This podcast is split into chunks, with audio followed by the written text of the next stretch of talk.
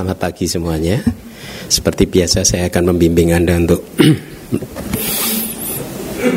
mengambil apa permohonan sarana dan Pancasila. Untuk itu ikuti saya. Aku memohon, aku memohon, aku memohon supaya buah dari perbuatan buruk apa pun yang telah aku lakukan baik melalui perbuatan, ucapan, dan pikiran dapat terhindarkan dan demi memperoleh jasa kebajikan yang akan memberikan limpahan kepada saya dengan umur panjang, kesehatan, kebebasan dari segala bahaya dan bencana, Aku merangkapkan kedua telapak tanganku Beranjali dan memberikan puja Menghormati dan bersujud penuh Dengan kerendahan hati kepada Tikratana Buddha, Dhamma, dan Sangga Untuk kedua kalinya Aku memohon Aku memohon Aku memohon supaya buah dari perbuatan buruk apa pun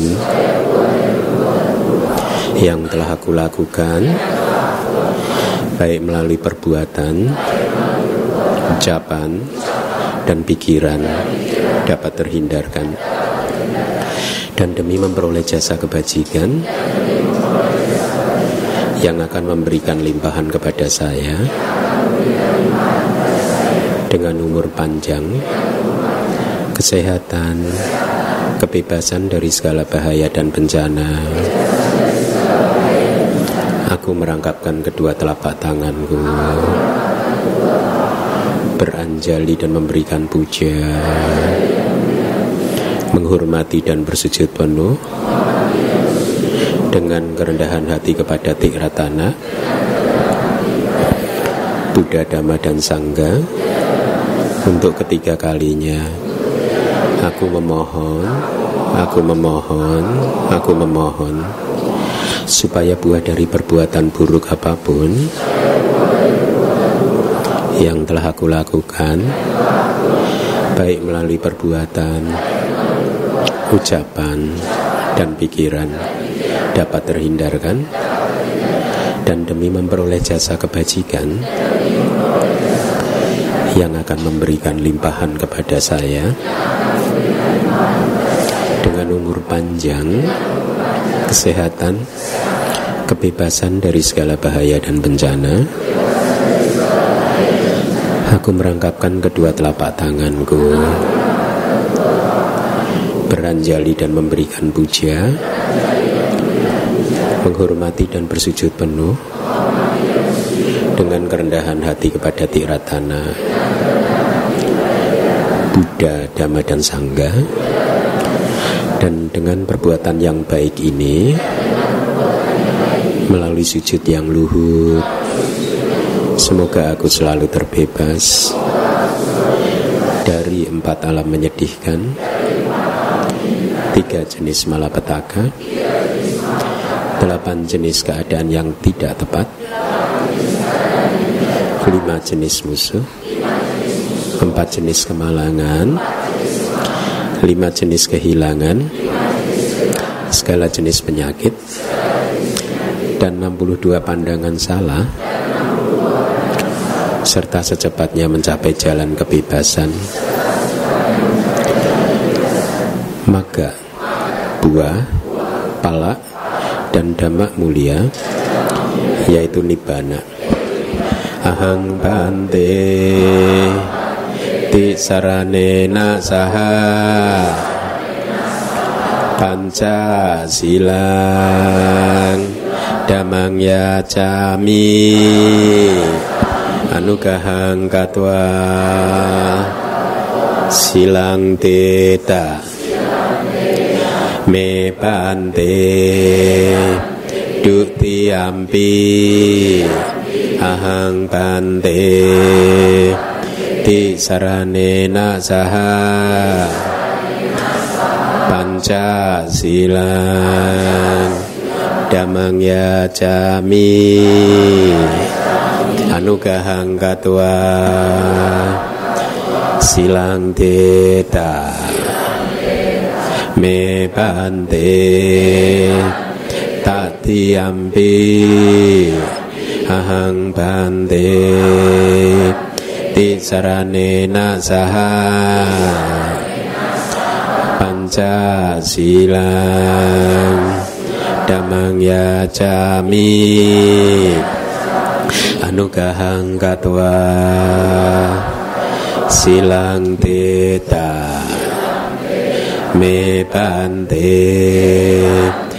ยะมหังวาจามิตังวาเตตา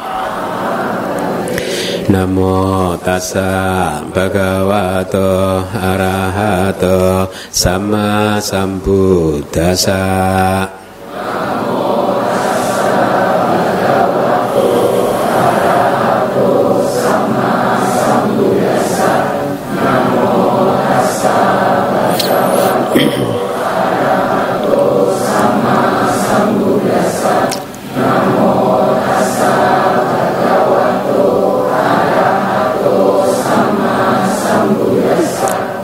Dhammang saranang gacami Dhammang saranang gacami Sanggang saranang gacami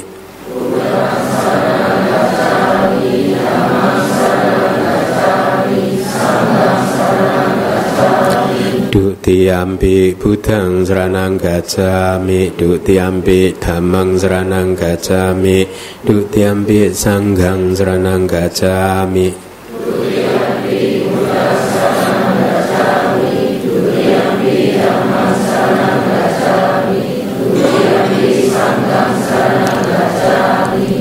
tiampi budang seranang gacami tak tiampi tamang seranang gacami tak tiampi sanggang saranang gacami.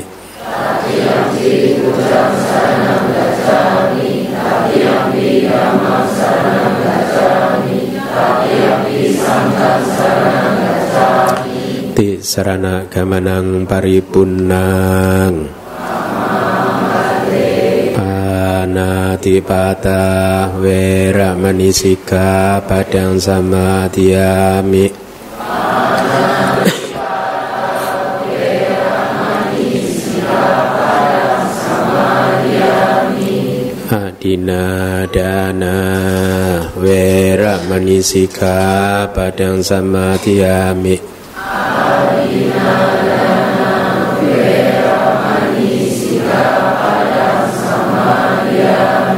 Kami sumitha cara vera manisika patang kami.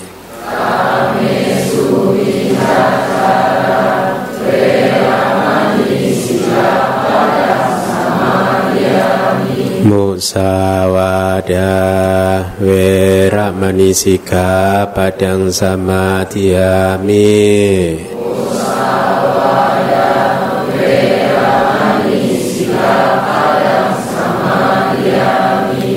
sura miraya maja pemadadana wera manisika padang sama tiami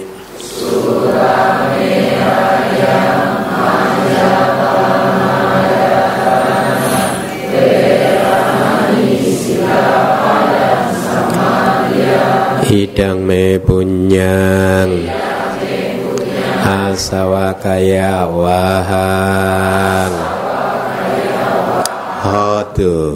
idang mesilang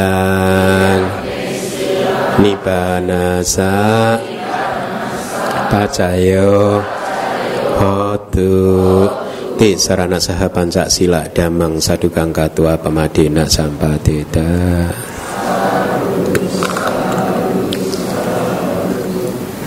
Baik, eh, selamat pagi para upasaka upasika. Eh, apa kabar? baik ya sehat. Nah happy happy.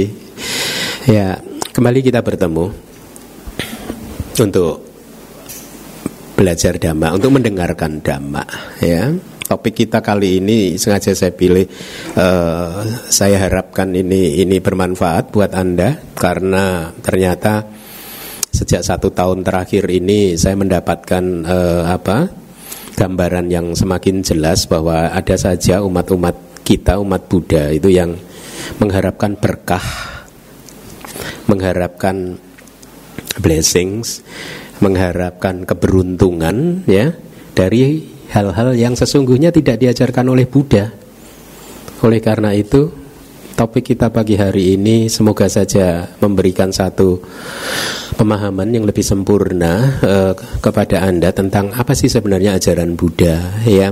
Jadi saya akan mencoba untuk mengupas satu suta Maha Manggala Suta ya. Dan judulnya saya buat provokatif ajimatnya Buddhis Jadi ya sekarang mulai setelah Anda mendengarkan kelas ini, mungkin kelas ini berlangsung selama 4-5 kali kelas ya. Setelah selesai mendengarkan ceramah ini, selesai dengan satu suta ini, saya harap ajimat Anda yang bukan Manggala Suta sudah mulai diganti dengan Manggala Suta. Ya. Apa itu maksud dari ajimat Buddhis? Nah, Maha Manggala Suta itu suta tentang berkah tentang keberuntungan. Jadi saya teringat di dalam kehidupan saya karena dulu saya saya ini entah dikatakan beruntung atau tidak beruntung di dalam kehidupan saya kali ini untuk pertama kalinya begitu lahir saya terdamparnya di kandungan mama saya yang non Buddhis sehingga saya boleh dikatakan tidak mengenal dharma itu untuk waktu yang cukup lama. Sama sekali tidak kenal. Dalam artian yang benar-benar tidak kenal, tidak pernah mendengar, ya, sama sekali tidak mendengar dhamma, sampai mungkin usia sudah mendekati 30 tahun, sama sekali tidak pernah mendengarkan dhamma, tidak pernah juga bertemu dengan biku itu. Jadi saya taunya biku itu cuman cenlung dulu itu kalau pas main film Shaolin. Ya itu saya tahunya cuman kalau pas nonton film itu oh ada biksu ya. Tapi kok jago kungfu gitu. Waduh ya nggak nggak nggak cocok nih. Saya nggak pengen saya nggak suka kekerasan kan. Ya jadi tapi ternyata itu hanya film. Biksu nggak ada yang keras kok. Nah di dalam kehidupan masa-masa awal kehidupan saya sampai sebelum saya mengenal uh, Buddhisme itu banyak sekali yang sekarang ini saya sadari bahwa pandangan-pandangan saya yang dulu itu salah gitu ya. Saya banyak mengharapkan keberuntungan, berkah dari hal-hal yang hanya saya terima dari tradisi, dari leluhur, dari uh, kakek nenek saya, dari orang tua saya bahwa tanda-tanda tertentu itu adalah baik. Kalau bertemu dengan tanda-tanda yang seperti ini berarti itu adalah pertanda atau firasat yang tidak baik. Itu misalkan Dulu itu saya diajarkan oleh oleh keluarga uh, orang tua saya bahwa kalau kamu mau pergi keluar dari rumah sebelum melangkah keluar pintu, kamu ambil nafas dalam-dalam, kemudian hembuskan nafas, hembuskan, dirasakan dengan telapak tangan. Kira-kira angin yang kenceng yang mana gitu. Kalau angin yang kenceng itu dari lubang hidung sebelah kanan, nanti keluar pintunya kamu dengan kaki kanan. Pasti beruntung. Urusan akan selesai semuanya, ya. Urusan selesai semua, kemudian jauh dari ketidakberuntungan, kesialan dan lain sebagainya. Dulu waktu itu saya selalu bertanya-tanya, kenapa setiap kali pergi rumah saya saya rasakan selalu yang kenceng kanan. Nah waktu itu saya berpikir salah Oh kanan adalah kaki yang baik. Ya berarti memang saya ini ditakdirkan menjadi manusia yang baik. Kemudian kalau kanan kan lebih sopan Berarti ya hidup saya pasti akan aman-aman saja. Baru belakangan kira-kira 4 tahun yang lalu saya tahu Ternyata saya sinusitis yang sini hanya seperempat saja setelah di ronsen ya. Setelah di ronsen nah, lubang hidung kiri saya itu seperempat dari lubang hidung kanan. Makanya pantas kalau saya gini kan yang kanan kenceng terus gitu kan. Jadi pertanyaan saya di masa kecil masa muda itu terjawab. Ternyata memang saya sinusitis. Atau atau ada lagi misalkan uh, yang dipercaya oleh uh, leluhur ya turun temurun di masyarakat di Pulau Jawa. Kalau seseorang itu bermimpi digigit ular ya maka dia dapat jodoh. Benar nggak? Pernah dengar? Saya sempat berpikir kok saya seumur hidup nggak pernah digigit ular? Gitu ya. Padahal waktu udah puber gitu kan ya, kan puber kan pengen ya ada ada pacar, ada jodoh, mimpi digigit ular. Sampai sekarang nggak pernah digigit ular. Dalam artian hanya mimpi atau dalam artian kenyataan saya kan tinggal di hutan bertahun-tahun sama sekali tidak pantas oh. Tapi berarti itu pertanda yang benar. Akhirnya nggak ada jodoh bener kan? tidak ada jodohnya jadi biku aja udah ya jadi banyak sekali uh, apa uh, atau saya katakan mungkin tahayul ya sesuatu yang tidak berdasar dengan uh, apa tidak sesuai dengan kenyataan tetapi dipercaya oleh masyarakat kita uh, kemudian dianggap ini sebagai satu kebenaran dianggap ini sebagai kalau Anda bertemu dengan hal-hal tertentu tadi maka anda akan mendapat rezeki misalkan kalau di masyarakat Jawa itu kalau Anda tiba-tiba mengambil baju dan tanpa sadar Anda memakai baju itu terbalik. Baju Anda kebalik, yang di dalam jadi di luar, di luar jadi di dalam, maka itu pertanda baik bahwa Anda akan dapat uang, dapat rezeki. Iya, jadi eh, hal-hal uh, seperti ini berkembang dengan uh, apa? Uh, berkembang sangat pesat diyakini oleh banyak masyarakat sebagai satu kebenaran dan itu bertahan lama turun temurun ya pernah satu masa di dalam kehidupan saya waktu zaman mahasiswa itu sudah bekerja itu saya sempat diganggu oleh pikiran-pikiran yang yang yang negatif. Kenapa? Karena saya percaya angka 13 itu kan angka yang tidak beruntung kan?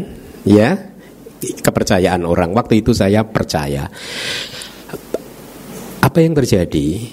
Dulu pada saat saya setir mobil, di mobil kan biasa ada jam mobil kan.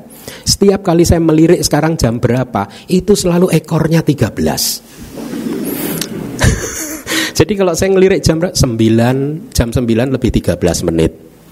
Nanti lain kali tengok lagi 12 lebih 13 menit. Ada angka 13-nya gitu. Sampai itu saya merasa terganggu sekali. Ini pertanda apa gitu. Apakah ini tanda tidak baik? Kata orang-orang ini tanda tidak baik. Eh ternyata tanda baik. Itulah tandanya saya mau jadi biku.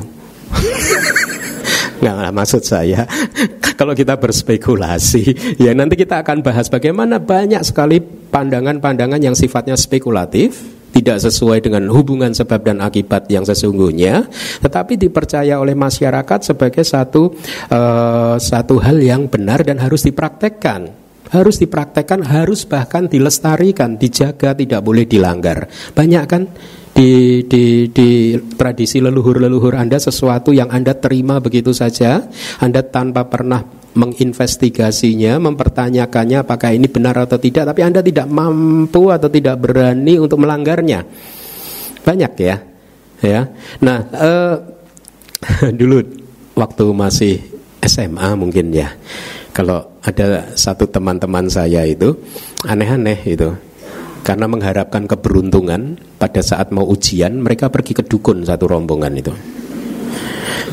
Karena mereka mendengar dari cerita satu teman yang lain bahwa dukun ini jagoan gitu. Jadi kalau mau ujian datang ke dia dia akan memberi bolpen yang sudah dibacain mantra sama dia ya. Kemudian katanya bolpen ini bisa menjawab sendiri kita hanya pegang aja jawab itu Nah itu satu rombongan dari teman-teman SMA saya itu sampai melakukan perjalanan naik sepeda motor roda dua ke luar kota mungkin 4-5 jam perjalanan. Hujan-hujan tengah malam dijalanin juga sama mereka demi mendapatkan bolpen. Bolpen keberuntungan.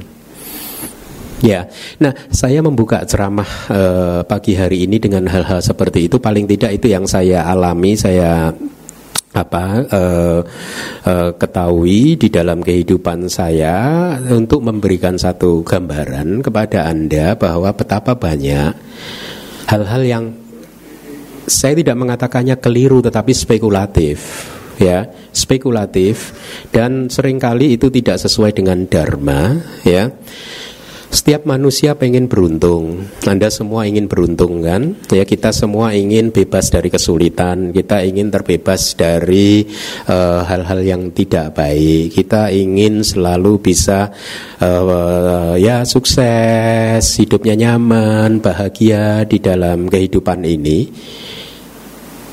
Semua kesuksesan, kebahagiaan itu adalah efek Ya, di dalam kehidupan berlaku hukum hubungan sebab dan akibat.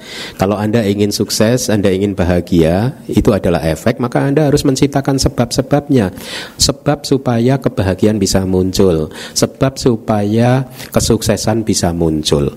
Ya, tetapi eh, sayangnya meskipun Buddhism mengajarkan hubung, eh, hukum bahwa yang berlaku di dalam kehidupan ini hukum sebab dan akibat masih saja banyak umat Buddha yang keliru memahami hubungan sebab dan akibat ini ya makanya mereka kemudian seperti yang saya ceritakan tadi kalau ingin beruntung ingin dapat uang ya pakai baju terbalik ya atau tadi lewat hembusan uh, nafas dan uh, lain sebagainya. Nah, uh, saya mencatat beberapa uh, hal yang saya uh, beri title sudo sebab dan akibat sebab dan akibat. Sudo sudo itu semu seolah-olah. Tetapi tidak benar. Hanya seolah-olah saja ini adalah hubungan sebab dan akibat. Hubungan sebab dan akibat yang semu nah, sudo sebab dan akibat. Anda tahu ini? Jangan memindah guci abu jenazah yang sudah disimpan di wihara. Tahu ya? Tahu tradisi? Kenapa katanya? Memanggil arwahnya ya? Betul ya. Saya tidak mengatakan ini salah tapi pernahkah anda menginvestigasi kebenarannya? Huh? apakah benar-benar sudah ada uh, anda yang menyaksikan sendiri begitu guci di wihara dipindah kemudian uh, apa uh, memanggil kematian anggota ya anggota keluarga ya? Kira-kira seperti itu ya. Apakah anda sudah pernah membuktikannya? Belum Orang tua Anda pernah membuktikannya? Belum. Leluhur Anda pernah membuktikannya? Belum. Tujuh turunan ke atas pernah membuktikannya? Tidak ada catatan. Ini yang dikatakan oleh Buddha sebagai barisan orang buta yang saling bergandengan berurut-urutan, yang di depan buta, yang di tengah buta, yang di belakang buta. Tapi Anda terima, Anda terima dengan apa? Tanpa keberanian untuk menginvestigasi. Saya tadi pagi bercerita dengan ada salah satu umat gitu bahwa saya beruntung, saya itu mempunyai sifat dari kecil berani untuk berontak. Berontak dari kemapanan. Anda bayangkan kalau saya ini seseorang yang tidak berani memberontak terhadap kemapanan, saya tidak akan beragama Buddha hari ini. Betul tidak? Hmm? Bahwa saya sekarang beragama Buddha itu karena sifat pemberontak saya. Saya berani untuk memberontak apa yang sudah saya terima dari leluhur-leluhur saya sebagai satu kebenaran. Tetapi saya periksa sampai umur saya yang sekian, saya sudah praktekkan, saya tidak menjadi lebih baik. Saya hanya dijanji-janjikan saja, nanti kan lebih baik, nanti kan hidupnya bahagia selama-lamanya. Nanti, nanti, nanti. Nah saya pengen bahagianya saat ini. Terus di, dikasih pilihan, kamu milih mana? Bahagia saat ini tapi nanti tidak bahagia atau sekarang tidak bahagia tapi nanti bahagia? Kan ada kan janji-janjinya seperti itu kan? Apa jawaban saya? Saya pilih saat ini bahagia dan saya yakin kalau saat ini bahagia, nanti saya juga bahagia. Jadi meskipun belum sebagai umat Buddha waktu itu cara berpikir saya sudah seperti itu bahwa hubungan sebab dan akibat itu Uh, menurut logika saya itu adalah kalau saya hari ini bahagia, besok pasti saya bahagia. Artinya kebahagiaan ya, kualitas hati yang baik pasti akan menghasilkan efek yang baik juga.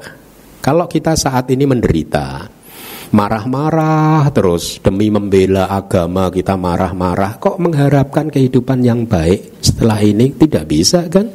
Hubungan sebab akibatnya tidak seperti itu. Kemarahan tidak akan pernah bisa membuat seseorang terlahir di surga.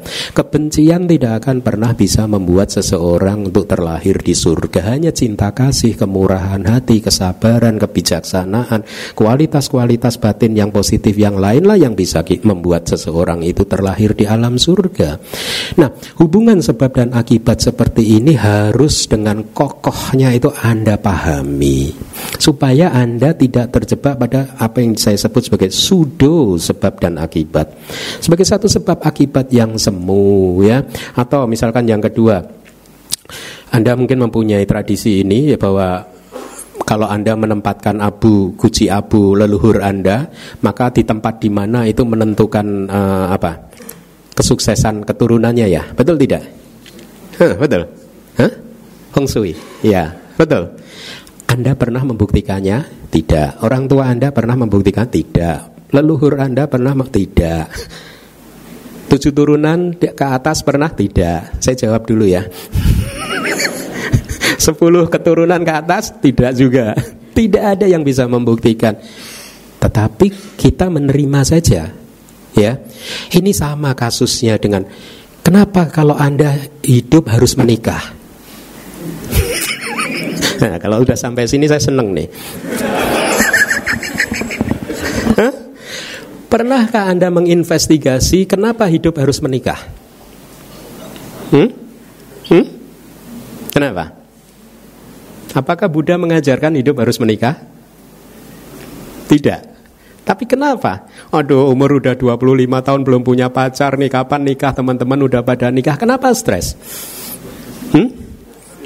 Kenapa Anda tidak berpikir sebaliknya yang menikah nah-nah terjerumus mereka itu?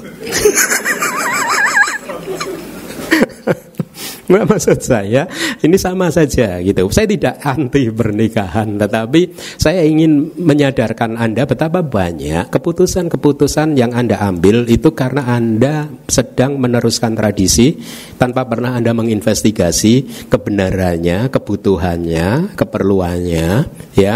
Apakah keputusan yang Anda lakukan sesuai dengan tradisi itu baik atau tidak? Anda Anda tidak pernah me, me, menginvestigasinya dan Anda hanya percaya saja. Orang tua saya begitu, kakek nenek begitu, leluhur-leluhur begitu, maka ini pasti baik dan itu saya jalankan juga. Ya, tidak salah dengan pernikahan, tapi cara berpikir yang salah akan membuat pernikahan menjadi salah. Hanya cara berpikir yang benar akan membuat segala sesuatu menjadi benar dan baik, ya. Contoh yang lain misalkan seorang ibu mengandung dan dikatakan roh si anak berjalan-jalan di rumah oleh karena itu apa jangan memindahkan perabot. Misalnya begitu ya ada ya? Saya hanya meng mengumpulkan ini dari dari umat saja. Jadi kalau seseorang sedang mengandung jangan mindah perabot ya. Hah? kenapa? Nggak boleh mengecat? Ya ada kok. Ada kan? Boleh kan Benar kan?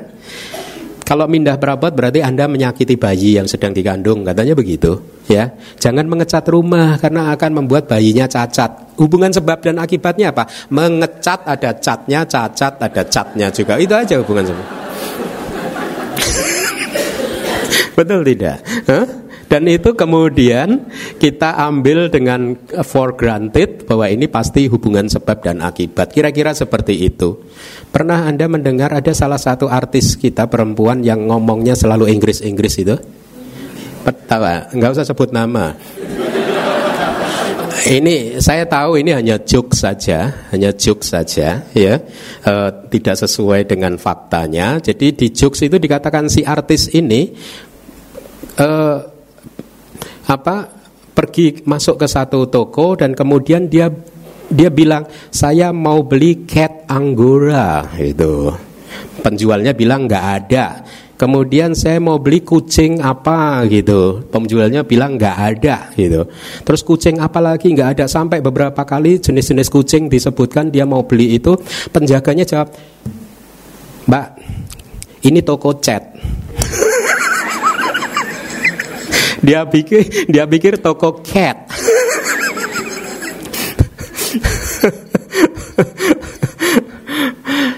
nah, uh, ke kembali lagi yang lain.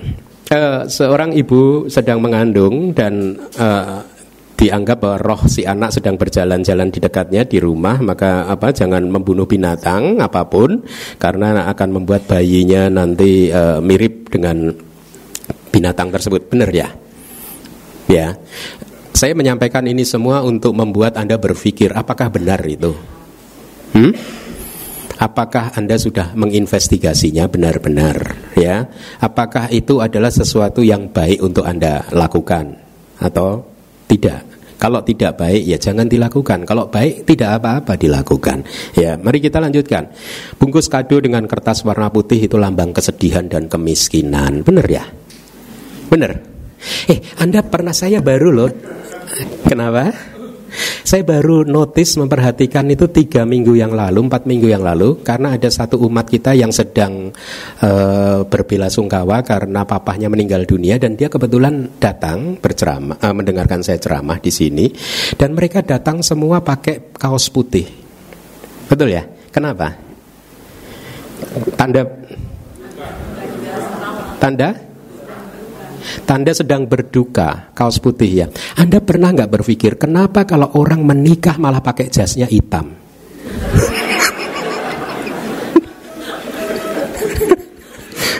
huh? Pernah nggak? Ternyata mereka tahu loh kalau mereka sedang akan masuk ke dunia yang gelap gulita gitu. Itu tradisi leluhur loh. Eh, saya berpikir bukannya harusnya dibalik ya? Kalau menikah harusnya kan berbahagia pakai yang warna putih dong. Iya. Kalau yang berduka warna hitam. Tapi ternyata benar Anda kali ini. Benar kan Anda? Ya, kalau meninggal harus pakai baju putih karena itu kan terbebas kan. Ya, mengalami pembebasan itu terbebas dari suami, dari istri. kalau menikah harus pakai hitam karena ah, masuk nih. Betul ya. Anda pernah nggak berpikir kenapa warnanya begitu? Kenapa tidak dibalik ya? Hmm? Lagi, anak-anak jangan makan kaki ayam, ya, akan membuat dia tidak mampu menulis dengan baik nantinya. Bener ya?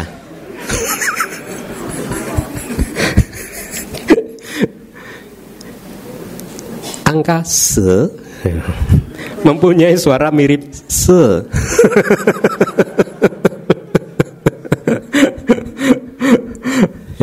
Bener nggak membacanya kalau angka 4 apa? Se ya.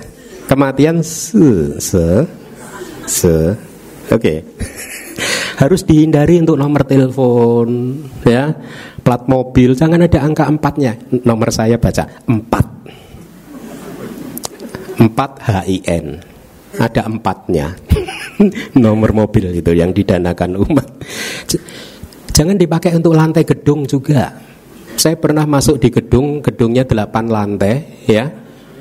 Setelah masuk ke lift, lantai 1, lantai 2, lantai 3, lantai 5, lantai 4-nya nggak ada loh. Saya tanya ke pengelola, kenapa ini liftnya nggak ada lantai 4 untuk menghindari kesialan, Bante?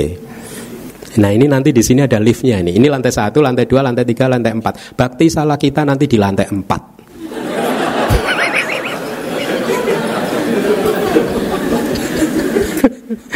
Saya tetap akan pasang liftnya lantai 4 Saya akan dobrak tradisi itu. Ya kita nanti akan ada liftnya ini. Saya tidak akan pasang 1, 2, 3, 3A Enggak. Tetap saja 2, 3, 4 ya.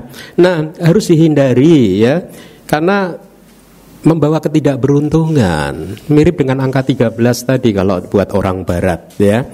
Nah, Selamat Chinese New Year.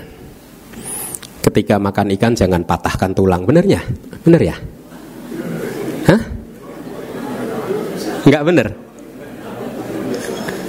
Jangan dipatahkan tulangnya. Makanya kalau udah makan ikan gitu kayaknya suka dibalik ya? Enggak. Kalau orang Sumbawa malah malah makan ikan satu sisi dulu, habis itu nggak boleh dibalik. Ya, kenapa? Karena mereka nelayan. Katanya kalau dibalik nanti pas berlayar akan terbalik perahunya. Gitu. Sumba atau Nusa Tenggara saya agak lupa ya. Jadi banyak sekali hal-hal yang aneh-aneh ya. Saya tidak mengatakan sekali lagi, tidak mengatakan ini salah, tapi ini sesuatu yang harus kita investigasi dengan kebijaksanaan kita. Jangan potong rambut atau mie ya karena akan memperpendek umur. Benar ya? Jangan keramas selama Chinese New Year karena akan menghilangkan semua keberuntungan Anda. Betul ya? Untung Chinese New Year-nya hanya berapa hari sih? Dua ya? Hah? Untung 15 Nggak keramas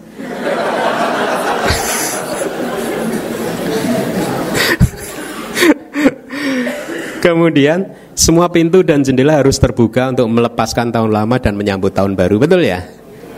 Dulu waktu di Singapura itu waktu Chinese New Year, saya tinggal di wihara kan. Biasanya kita kan setiap sore nyapu wihara kan, itu dilarang loh nyapu. Hah? Iya loh, nggak boleh nyapu, biar kotor aja nggak apa-apa karena itu apa? Membuang rezeki ya. Loh, itu pertama kali saya tahu karena waktu di Singapura itu kita juga mau me, me, apa uh, mengadakan acara besar setiap kali menyambut uh, Chinese New Year gitu ya. Nah, uh, yang ini, Hah? Anda tahu yang ini nggak? Hah? Amulet. Banyak sekali ini umat di sini mungkin juga banyak nih yang pakai. Coba tunjukin ke saya, coba coba. Amulet Anda mana-mana? Amulet yang pakai kalung-kalung amulet itu. Apa maksud Anda? Maksudnya supaya beruntung Bante jauh dari kesulitan ya, supaya bisnis lancar gitu, supaya segala masalah itu menjadi mudah, terhindar dari masalah-masalah yang berat. Saya pernah menyaksikan di Singapura seseorang membeli amulet seperti ini, gambarnya juga mirip seperti ini ya, yang ditutup mata, tutup telinga. Ya, see no evil, hear no evil gitu tutup mata, tutup telinga. Di, dibeli 20 ribu sing. Sekecil ini, sekecil ini kecil sekali kan untuk liontin kan. Dibeli 20 ribu sing. Saya tanya waktu itu, apa sih uh, istimewanya uh, amulet ini sehingga kamu bayar 20 ribu sing dollars? Kata dia, katanya ini kalau ditembak nggak mempan Bante. Jadi siapa yang bawa ini anti peluru apa? Anti peluru ya, tembak nggak mempan. Terus kemudian saya, kamu mau maju perang? Hah? Enggak, man. Loh, kenapa butuh sesuatu yang ditembak nggak mempan? Hmm? Betul tidak? Kalau kita tidak ingin ditembak ya jangan hidup di tengah medan perang mudah kan menghindarinya kan, nggak usah mengeluarkan 20 sing. Ya, kalau kita tidak ingin hmm, dim, dimarahi orang, jangan kumpul dengan orang yang galak. Itu hubungan sebab akibatnya begitu, ya. Kalau kita tidak ingin difitnah orang, jangan kumpul orang yang tidak baik. Ya, jangan kumpul hidup di komunitas yang tidak baik. Misalkan seperti itu, maka dengan demikian Anda akan terhindar dari ucapan-ucapan yang tidak baik dan lain sebagainya bukan karena amulet-amulet seperti ini. Apakah amulet ini bermanfaat? Mungkin bermanfaat, ya. Tergantung cara pandang Anda. Kalau Anda melihat menganggap bahwa amulet ini akan bisa membuat Anda selamat, aman, tentram, damai, maka itu adalah pandangan salah. Yang membuat kita selamat, aman, tentram, damai itu karma baik. Kita hati-hati. Kalau Anda menyerahkan kehidupannya kepada amulet, maka ini adalah pandangan salah karena apa? Tidak meyakini hukum karma. Definisi pandangan salah adalah tidak meyakini bekerjanya hukum karma. Kalau Anda tidak meninggalkan pandangan salah ini, maka di dalam teks-teks kita mengatakan kalau ini menjadi niata mica didik, pandangan salah yang firm, kuat, tidak ditinggal-tinggalkan, dipegang terus sampai satu kehidupan meninggal dunia juga masih memegang pandangan salah yang seperti itu maka efeknya adalah dia akan terlahir di neraka. Niata diti ini paling parah, paling fatal. Dikatakan bahkan pada saat alam semesta ini hancur, Biasanya sebagian besar makhluk yang ada di alam neraka sudah bisa terangkat terlahir di alam surga yang di atas tingkat atas. Tetapi hanya mereka yang lahir di neraka karena pandangan salah yang tetap yang kokoh seperti ini, ini yang tidak bisa lolos juga dari kehancuran alam semesta. Pada saat nerakanya hancur, dia pindah ke satu alam yang terletak di dua di antara dua sistem tata dunia, dua galaksi. Di tengah-tengahnya itu ada satu daerah yang gelap gulita. Itu kata kitab komentar mengatakan seperti itu. Gelap gulita, tidak ada satu cahaya pun yang bisa masuk ke sini. Nah, si orang tadi yang memegang pandangan salah tadi dari neraka dia akan berpindah ke sana. Yang lainnya lolos, teman-temannya lolos, bisa lahir ke surga, tapi dia tidak bisa, ya. Nah, Apabila amulet-amulet seperti ini menjadi objek buat Anda supaya sada Anda meningkat, itu baik.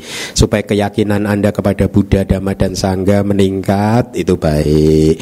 Kalau amulet-amulet seperti ini bisa membuat Anda lebih mengend bisa mengendalikan diri dari loba dosa moha, itu baik. Kalau amulet-amulet seperti ini bisa membuat Anda semakin berkomitmen untuk melakukan perbuatan baik, karma baik, menjaga sila, menjadi semakin murah hati, dana, sila, bawana, maka itu baik. Tetapi kalau sebaliknya Anda berpikir bahwa dengan amulet ini maka kehidupan Anda akan bebas dari kesulitan, maka itu pandangan salah.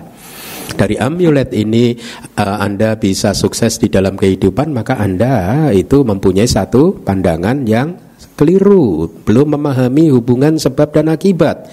Ya, beberapa waktu yang lalu ada umat yang mem, me, me, me, apa, mengirimkan satu video pendek kepada saya meminta pendapat saya karena ada satu master dari luar negeri, master Buddhis, bukan biku dari luar negeri, dia mengadakan semacam talk show di ballroom dengan banyak orang dan kemudian dia bisa menyembuhkan orang loh. Ya, dipanggil satu orang gitu berdiri ditanya kemudian dia pejam mata sebentar gitu. Oh ya kamu buta gitu kan kamu bisa melihat sedikit ya gitu. Ya ya. Kemudian saya bisa menyembuhkan kalau misalkan syaratnya harus vegetarian dan lain sebagainya. Itu di dalam video itu ya. Terus umat tersebut bertanya bahwa si master ini terkenal bisa menyembuhkan penyakit loh. Saya berpikirnya sederhana loh. Kalau dia bisa menyembuhkan penyakit kenapa dia tidak pergi ke Siloam ya?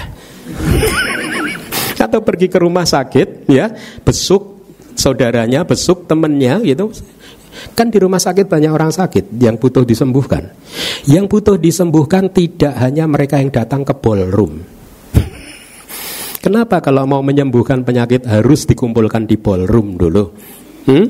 jadi logika-logika saya itu sangat kokoh membuat saya tidak masuk akal Kenapa menyembuhkan orang harus di tempat-tempat yang mewah seperti itu? Bukankah rumah sakit banyak orang sakit?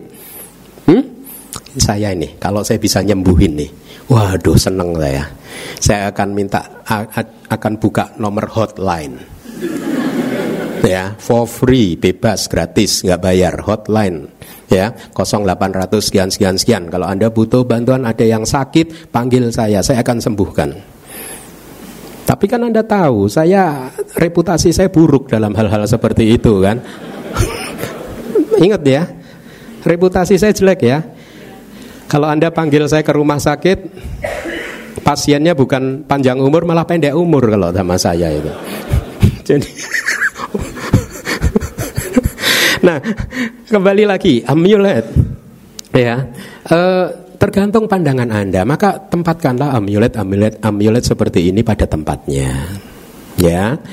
Kalau ini sebagai objek buat Anda untuk meningkatkan sada Anda dan seterusnya, maka itu baik. Tapi jangan pernah berpikir bahwa ini akan bisa membuat Anda bahagia karena kebahagiaan bukan disebabkan oleh hal-hal seperti ini. Anda masih ingat Idak Suta mengatakan bahwa kebahagiaan kelahiran di surga tidak bisa didapat dengan cara berdoa, bukan? Hmm? Anda tahu logikanya? Coba mari kita pikir kalau kebahagiaan dan kelahiran di surga bisa didapatkan dengan cara berdoa, ini hari ini semua manusia di muka bumi sudah bahagia semua. Betul tidak? Dan Buddha kemudian mengatakan, no, kebahagiaan kelahiran di surga ada banyak sih sebenarnya. Ayo wana suka balak saga panjang umur, ya kerupawanan dan seterusnya tidak bisa didapat dengan cara berdoa, tetapi hanya dengan melakukan sebab-sebab untuk memunculkan kebahagiaan dan melakukan sebab-sebab untuk memunculkan kelahiran di alam surga. Nah, dari semuanya itu tadi adalah tradisi yang Anda menerimanya dengan membabi buta tanpa pernah menginvestigasi dan Anda takut untuk melanggarnya ya, takut untuk uh, mematahkannya ya, semata-mata karena anda sudah diberitahu oleh leluhur-leluhur Anda ya bahwa mematahkan tradisi adalah tidak baik ya dan Anda terlalu melekat percaya kepada leluhur-leluhur Anda dengan berpikir sederhana karena leluhur sudah melakukannya maka saya harus melakukannya. Tapi cara yang demikian bukan cara Buddhis. Ya nanti akan saya tunjukkan. Asal mula tradisi kadang bisa berdasarkan opini saja. Hal-hal seperti tadi mungkin saja itu adalah opini. Mungkin itu adalah opini. Ya, saya tidak mengatakan pasti, tapi saya katakan kemungkinan besar itu adalah opini, ya. Tapi Buddha mengajarkan di Cangki Sutta bahwa kita jangan melekat kepada opini, jangan menganggap opini sebagai satu kebenaran. Nah, bahkan mengatakan menganggap bahwa ini adalah tradisi saya yang paling benar, tradisi yang lain salah jangan. Ya, Buddha menganjurkan dengan sangat bijaksana kalau Anda melakukan sesuatu hal-hal yang tadi ya, maka Anda harus menganalisa dengan objektif keyakinan Anda tadi ya, eh, budaya-budaya tadi itu Anda analisa berdasar berasal dari salah satu dari lima landasan yang mana? Apakah itu berasal dari keyakinan Anda? Ya, atau itu dari pilihan kecenderungan-kecenderungan pribadi Anda, kesukaan Anda, Anda merasa cocok, Anda merasa uh, ya ada kecenderungan untuk melakukan hal tersebut. Atau itu berdasarkan karena Anda sudah mendengarnya berulang-ulang dari orang tua, leluhur dan lain sebagainya. Atau budaya-budaya yang tadi itu berdasarkan Anda sudah memikirkannya masak-masak ya dan Anda berpikir bahwa ini masuk akal ya. Atau keyakinan itu muncul setelah Anda merenungkannya dalam-dalam jadi nasihat Buddha adalah seperti ini. Kalau Anda sedang menggenggam sesuatu, Anda analisa dari mana sumber dari genggaman Anda yang Anda genggam tadi. Anda analisa, ada lima, Anda analisa berdasar dari mana. Tetapi kemudian Buddha mengatakan jangan membuat kesimpulan bahwa ini adalah kebenaran. Jangan membuat kesimpulan. Kenapa? Karena kita belum melihatnya sendiri kita belum mengetahuinya sendiri melalui, melalui pengalaman langsung ya sehingga sesungguhnya kita tidak yakin apakah sesuatu yang kita praktekkan selama ini adalah benar-benar satu kebenaran atau tidak oleh karena itu jangan mengambil keputusan bahwa hanya ini saja yang benar yang lain-lainnya salah hanya budaya saya yang benar, budaya yang lain salah. Tidak, nasihat Buddha cukup bijaksana. Anda analisa dari lima itu, landasannya dari mana? Ya, budaya Anda tadi munculnya dari mana? Itu. Setelah itu Buddha menasehati jangan mengambil kesimpulan yang yakin bahwa inilah yang paling benar dan yang lainnya salah. Kenapa hal ini uh, nah, harus ditanamkan, ditekankan oleh Buddha. Sikap yang demikian menghindarkan Anda dari sikap fundamentalis, sikap fanatik, sikap mengagung-agungkan tradisi sendiri, sikap mengagung-agungkan agama sendiri, sementara Anda sendiri pun sesungguhnya belum membuktikannya. Hmm? Mereka yang fundamentalis akan cenderung tidak hanya menyakiti orang lain, Anda lihat ya semua gerakan-gerakan yang fundamentalis akan menyakiti orang lain tetapi juga menyakiti diri mereka sendiri. Oleh karena itu supaya kita tidak melekat kepada pandangan kita, maka Buddha mengajak kita, mengajarkan kepada kita untuk menganalisa dari mana pandangan-pandangan kita tadi, dari mana kebudayaan-kebudayaan yang kita praktekkan selama ini. Apakah mereka itu sudah menjadi keyakinan kita atau itu sesungguhnya hanya kecenderungan pribadi kita dan lain sebagainya? Tentukan di sana, kemudian jangan mengatakan ini yang paling benar dan yang lainnya salah.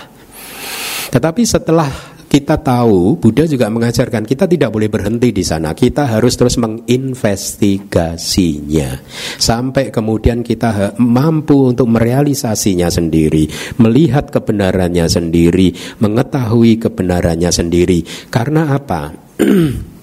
sebelum Anda melihat sendiri, sebelum Anda merealisasi sendiri, maka opini Anda bisa saja benar, tapi juga bisa saja salah. Hati-hati, jangan digenggam. Semua yang masih bersifat opini yang tidak berdasar pada realisasi langsung, jangan digenggam.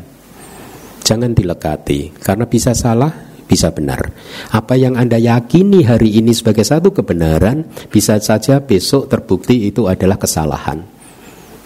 Sebaliknya, apa yang Anda yakini bahwa pemahaman teman Anda itu salah, bisa jadi besok menjadi benar.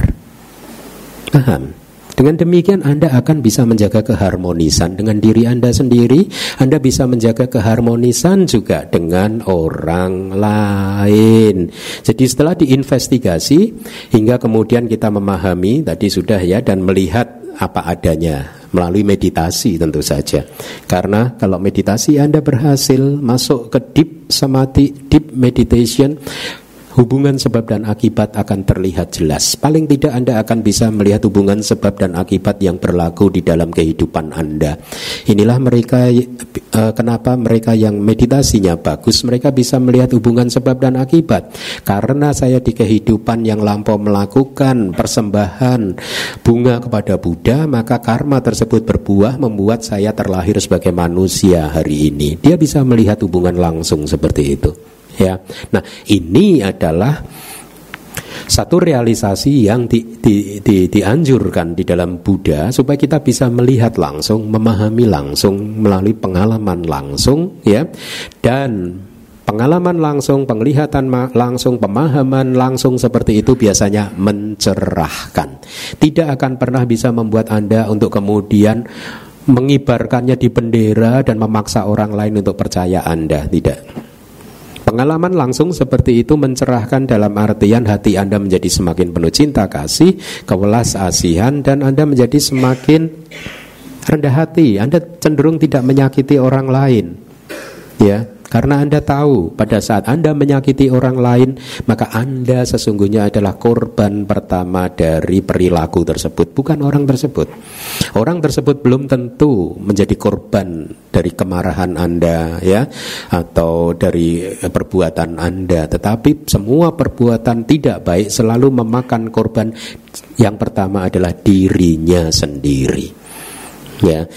Nah, Buddha mendobrak tradisi-tradisi itu ya pertama di Kalamak Suta ya Kalamak Suta ini suta yang menarik tetapi sering kali juga disalahpahami oleh umat Buddha dianggap bahwa oh Kalamak Suta kan mengajarkan jangan percaya apa pun gitu ya Jangan percaya, percaya pada diri sendiri. Tapi apakah benar kalau Mas Suta mengajarkan seperti itu? Tidak loh. Anda harus membacanya hati-hati sekali. Seringkali hanya dipenggal-penggal suta ini ya. Jangan percaya sesuatu hanya tradisi karena tradisi. Jangan percaya sesuatu hanya karena ini sudah diterima secara turun temurun dan lain sebagainya.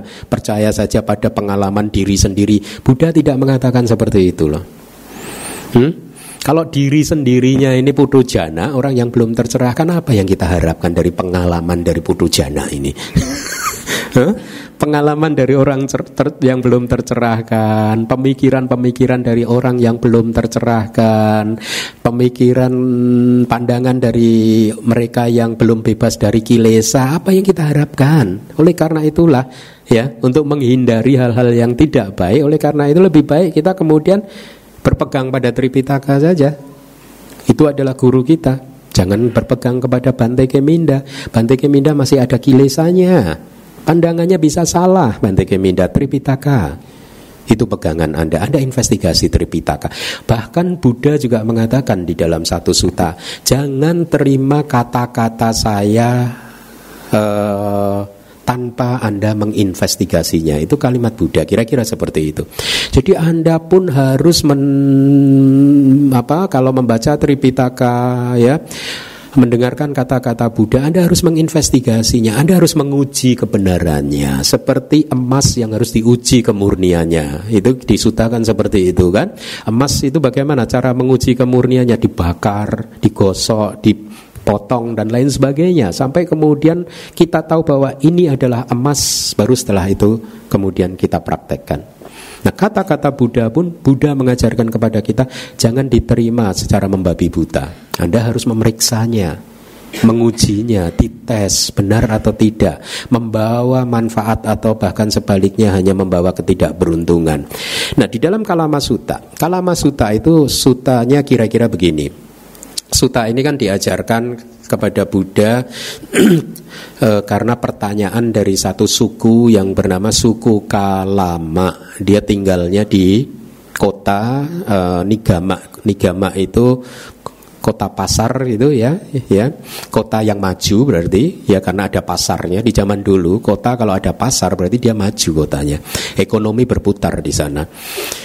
E, kota tersebut bernama Kesa Puta Ya, nah Kesa Puta itu di kitab komentar dijelaskan sebagai uh, satu kota yang terletak di dekat hutan. Jadi mungkin kota terdekat dari satu hutan, ya, paling dekat. Nah, karena dia paling dekat atau desa terakhir katakanlah seperti itu sebelum hutan, maka kota itu menjadi tempat persinggahan para brahmana dan para pertapa ya. Jadi para pertapa, para brahmana yang mau bertapa masuk ke dalam hutan, sebelum dia masuk ke hutan dia akan singgah di Kesaputa bermalam di sana ya. Menunggu matahari terbit setelah terang benderang baru mereka masuk ke hutan. Atau pertapa dan brahmana yang sudah bertapa di dalam hutan dia mau keluar pulang sebelum pada saat keluar gitu kalau kemalaman di jalan dia akan menginap di Kesaputa nah para uh, apa masyarakat atau penduduk di desa Kesa Puta ini yang bernama suku Kalama itu karena men sering mendapat uh, apa tamu para pertapa para brahmana mereka berkata kepada Buddha kira-kira Buddha Uh, di tempat kami sering mendapat persing, uh, menjadi tempat persinggahan dan setiap pertapa dan brahmana mengajarkan ajarannya masing-masing pertapa A mengajarkan ajarannya seperti ini, Brahmana A mengajarkan ajarannya seperti ini. Kami bingung mana yang benar Buddha. Kira-kira seperti itu. Kemudian Buddha mengatakan, ya kalian pantas untuk bingung karena sesuatu yang memang bisa memunculkan kebingungan akan membuat seseorang bingung. Sangat logik sekali jawaban Buddha. Dan kemudian Buddha mengatakan sepuluh sepuluh dari sumber informasi yang sangat terkenal itu yaitu misalkan jangan mempercayai sesuatu. Sebenarnya jangan pergi hanya karena uh, anusawa. Anusawa. Jangan pergi hanya karena tradisi. Artinya jangan mempercayai sesuatu hanya karena itu sudah menjadi tradisi kamu. Gitu Jangan menerima sesuatu hanya karena itu sudah menjadi tradisi Atau jangan menerima sesuatu yang kita anggap sebagai kebenaran Hanya karena ini adalah nilai yang sudah dipraktekkan secara turun-temurun dari leluhur-leluhur kita. Jangan menerima sesuatu semata-mata hanya karena ini adalah kata si A, kata si B, rumor ya. Atau jangan menerima sesuatu sebagai satu kebenaran hanya karena ini sudah ditulis di kitab suci. Tipitaka katakanlah. Jangan diterima. Ya. Artinya jangan memegang sesuatu itu hanya karena itu saja ya. Kemudian jangan menerima sesuatu hanya karena ini masuk akal, logis, hanya karena dugaan-dugaan kita kok kelihatannya cocok. Kemudian oh, ya kelihatannya ini adalah sesuatu yang setelah saya renungkan memang ini benar-benar masuk akal adalah sesuatu yang baik atau kemungkinan ini benar ini, ya spekulatif, spekulasi, atau karena ini dikatakan oleh guru saya loh, Bante Keminda loh, itu pasti benar. Hmm? Mbak Buddha mengatakan jangan Jangan memegang sesuatu, meyakini sesuatu hanya karena sepuluh hal tadi ya. Tetapi apa kemudian yang dikatakan oleh Buddha? Buddha kemudian melanjutkannya dengan kalimat yang mencerahkan. Kalau seseorang batinnya dicengkeram oleh keserakahan, kira-kira keserakahan itu membawa manfaat baik atau membawa manfaat yang tidak baik buat orang tersebut? Tidak baik Dan kemudian Buddha melanjutkan, kira-kira sama. Kalau di seseorang hatinya dikuasai oleh kebencian, kira-kira kebencian itu membawa manfaat yang baik atau tidak baik? Tidak baik dan seterusnya gitu. Kemudian Buddha mengatakan kalau Anda tahu sendiri bahwa sesuatu itu kalau Anda lakukan itu dicela oleh orang yang bijaksana, dikritik oleh orang bijaksana dan hanya akan membawa uh, tidak membawa manfaat apa pun buat Anda dan juga orang lain, maka jangan dilakukan. Anda harus mengetahuinya langsung. Keserakahan, kemarahan, kebencian, semua emosi-emosi yang negatif itu sangat merusak, tidak bermanfaat. Oleh karena itu jangan di-entertain. Jangan dipelihara. Kita harus belajar untuk mampu menjadi makin skillful, makin lihai untuk pada saat emosi negatif tersebut mencengkram hati kita, kita harus menjadi semakin mahir berlatih untuk menjadi mahir supaya mampu melepaskannya secepat-cepatnya. Itu nasihat Buddha. Dan kemudian Buddha membaliknya lagi. Bagaimana menurut kamu para kalama, suku kalama? Kemurahan hati itu baik tidak? Kalau kita tahu bahwa kemurahan hati itu baik, maka praktekkanlah. Cinta kasih itu baik tidak? Praktekkanlah. Ya. Kebijaksanaan itu baik tidak? Praktekkanlah. Itu kira-kira nasihat Buddha. Jadi Buddha tidak mengajarkan jangan percaya apa pun gitu Meskipun itu dari tradisi, percaya pada diri Anda sendiri. Tidak, penjelasannya harus lebih jelas lagi. Anda harus tahu dulu bahwa keserakahan, kebencian, dan lain sebagainya tidak membawa manfaat, dicela oleh orang para bijaksana dan seterusnya maka jangan dipraktekkan sebaliknya segala hal-hal baik yang membawa manfaat kita harus mempraktekkannya nah itu adalah kalama suta dengan Suta-suta seperti ini Buddha mencoba untuk mendobrak tradisi dan mencerahkan kita semua. Untuk tidak menerima segala sesuatu hanya berdasarkan ini tradisi saya. Sudah dipraktekkan dari silsilah di tujuh yang di atas sudah mempraktekkannya semua. Tanpa pernah kita menginvestigasinya benar atau salah. Membawa manfaat atau tidak membawa manfaat. Seringkali di dalam kehidupan uh, apa uh, ya di dalam kehidupan di bumi ini seseorang menyakiti orang lain hanya berdasar karena sedang mempertahankan budayanya karena sedang mempertahankan mungkin bahkan agamanya Buddhism tidak mengajarkan seperti itu. Jangan mempertahankan agama Buddha, tetapi kemudian Anda menyakiti orang lain. Tujuan kita lebih mulia lagi, tidak menyakiti orang lain. Kalau agama kita dihina bagaimana? Ya kita maafkan. Hah? Kan yang di agama aga, yang dihina agamanya bukan kita. oh berarti kalau kita yang dihina boleh marah Bante? Enggak juga. nah, uh,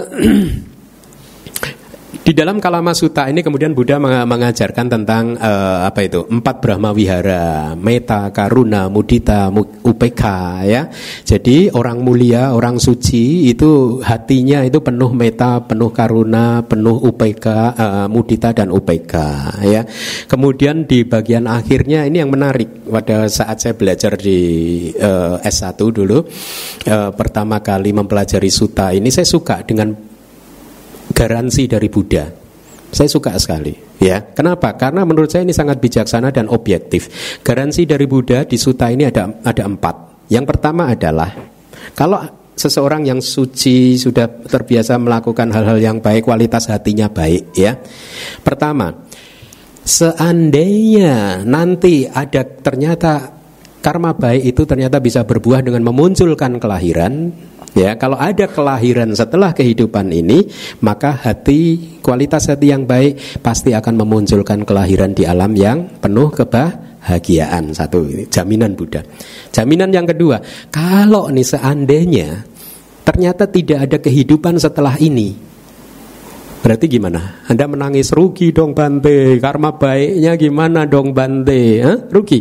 Enggak juga. Buddha mengatakan, kalaupun tidak ada kelahiran setelah setelah kehidupan yang kali ini, Anda tetap bahagia.